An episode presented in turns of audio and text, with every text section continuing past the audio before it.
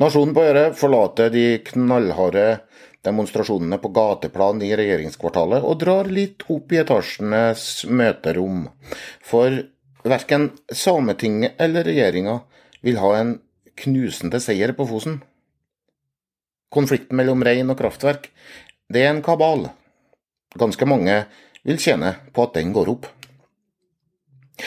Det hjalp ikke hvor respektfullt politiet løfta ei kofte vekk fra bakken i forrige uke så lenge kofta satt på en samisk ungdom som ble båret vekk.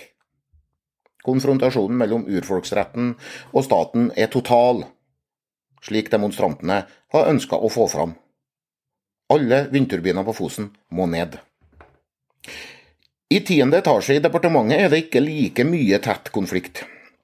Torsdag i forrige uke kom eh, sametingspresident Silje Karine Motka fra NSR og olje- og energiminister Terje Aasland fra Arbeiderpartiet ut av møterommet og gikk rett i handlingsrommet. Aasland sa at citat, vi må unngå at saken havner i rettsapparatet igjen.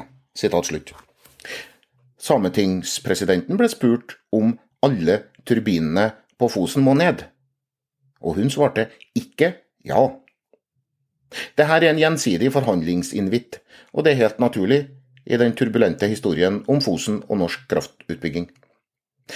På 2000-tallet var vindkraft en dyr og eksotisk plante som måtte dyrkes fram med tilskudd. Reinshår i suppa ble plukka ut, som regel ved at reineierne fikk inngått avtale med utbyggerne om kompensasjon. I motsatt fall ble de gjerne overkjørt. Så ble turbinene større, billigere og mer effektive. Utbygginga og lønnsomheten skjøt fart. Samtidig økte konfliktene med reineiere, naturvern og estetisk engasjerte. Så kom høyesterettsdommen i oktober 2021. Den flytter urfolksretten fra mytenes verden og inn i realpolitikken. Urfolksretten er mulig å krenke. På Fosen er den krenka. Etterspørselen etter fornybar energi øker kraftverkenes inntjening. Utbyggernes økonomiske muskler til å kompensere andre interesser er større enn før. På samme måte som grunneierne kan forvente økte inntekter på å leie ut areal til vindkraft, og kommunene kan forvente større skatteinntekter, så kan beiteberettigede og andre interesser i arealet forvente å bli tatt mer hensyn til, fordi kaka er blitt større. Tormod Ludvig Nilsen er leder i fornybaravdelinga i advokatfirmaet Vikborg Vein. Han sier utviklere og eiere vil få en langt større årvåkenhet på urfolksrettigheter.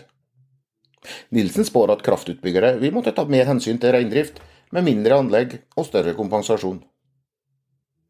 Det finnes eksempler å lære av. Flere vindkraftverk i Midt-Norge har allerede avtaler med reindriften om avbøtende tiltak og kompensasjon for turbiner og linjer. Også på Fosen ga reindrifta samtykke til byggestart, før det altså skar seg på erstatningsbeløpet, sier Aneo-direktør Ståle Gjersvold. Fosen-saken og den briljant regisserte aksjonen til Natur og Ungdom og NSR Norat i regjeringskvartalet har gitt alle interesser som berøres negativt av kraftutbygging, bedre kort på hånda. Men som sametingspresidenten synes å ha sett, hun har ikke fått noe trumfkort som hun kan bruke til å stanse ethvert inngrep i Sápmi. Den koftekledte SV-påtroppende leder Kirsti Bergstø snakker heller ikke om absolutter, men om citat, 'prosesser som leder til sameksistens'. Professor Katrine Broch Hauge ved Universitetet i Oslo sier til avisa Fosna-folket 'Samisk side har stor innflytelse, men ikke nok til at de kan bestemme hvilke tiltak som er gode nok for videre drift av vindkraftverkene. Olje- og energiministeren kan gi ny konsesjon uten reindriftens samtykke. Jeg tror likevel ikke, som Nettavisens Gunnar Stavrum skriver, at dette er noe trumfkort for statsråd Aasland. Det er tvert imot et kort som han vil vente i det lengste med å bruke. Regjeringa er allerede ute og kjører i sitt forhold til samene. Å overkjøre urfolket enda en gang kan være juridisk holdbart, men er politisk selvskading. Men samtidig vil regjeringa unngå ansvaret for å legge ned kraftverk og arbeidsplasser, fjerne store inntekter fra Fosen og skape regional kraftmangel i Midt-Norge. Sametingspresidenten har behov for å fjerne et inntrykk, også i opposisjonen på Sametinget, av at reindrifta sier nei til alt. Det er 3000 reindriftsutøvere i Norge.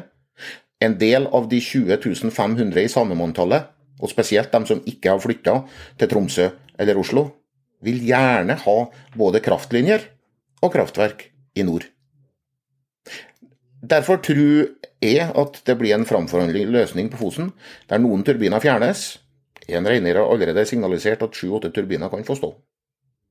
De gjenværende kan stoppes når reinen skal beite. Det blir gratis tilleggsfòring og alternativt beite, og raus erstatning for de tap som ikke lar seg avbøte på annet vis.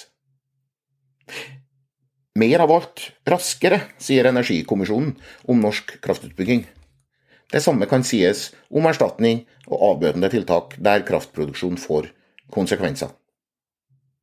Nasjonen på øret ønsker deg som lytter en energisk god dag videre.